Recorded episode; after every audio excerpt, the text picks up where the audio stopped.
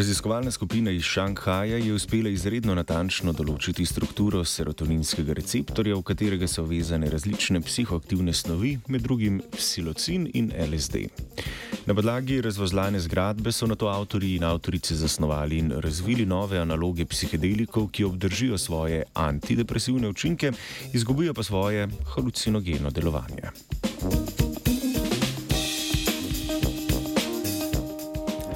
Številne psihoaktivne substance, med njimi psilocin in LSD, so v zadnjih letih vedno pogosteje prepoznane kot učinkoviti terapevtki, terapeuti, ki seveda za zdravljenje depresije in drugih duševnih motenj.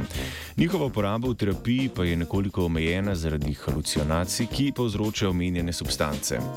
Znano je, da so nekateri molekularni analogi psihedelikov zmožni ohraniti svoje antidepresivne učinke, a ob tem ne povzročajo halucinacij, ki so lahko moteče za določene bolnike in bolnice.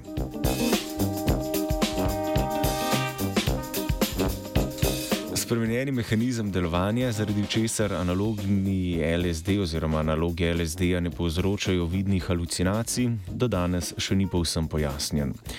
Raziskovalci in raziskovalke sklepajo, da psihedeliki aktivirajo svojo glavno tarčo v možganih, serotoninski receptor 2A, na drugačen način kot ne halucinogeni analogi. Ta drugačna aktivacija receptorja na to povzroči sočasen pojav halucinacij in antidepresivnega učinka.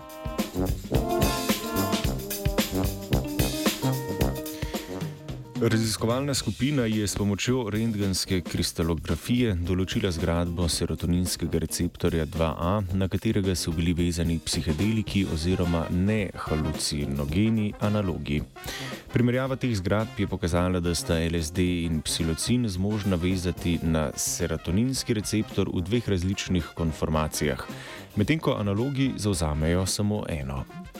Dvojna konformacija psihedelikov omogoča, da ob vezavi na serotoninski receptor aktivirajo dve različni signalni poti, analogi pa samo eno.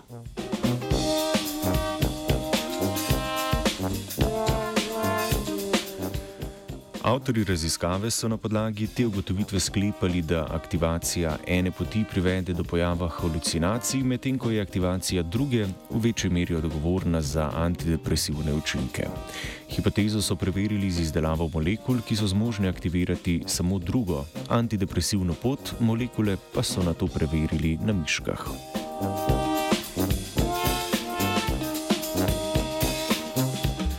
Pojav halucinacij je pri miškah enostavno preveriti, saj jim pri haluciniranju začne značilno trzati glava.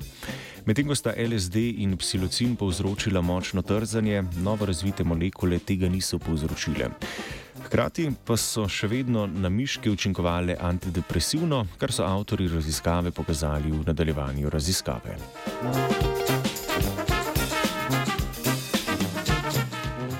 Raziskava je pokazala pomemben vpliv interakcij med serotoninskim receptorjem in njegovimi ligandi na delovanje možganske signalizacije, ki lahko pojasni bolj globalne učinke delovanja posameznih psihoaktivnih substanc. Hkrati raziskava kaže na pomen poznavanja zgradbe receptorjev pri pametni zasnovi novih učinkovin.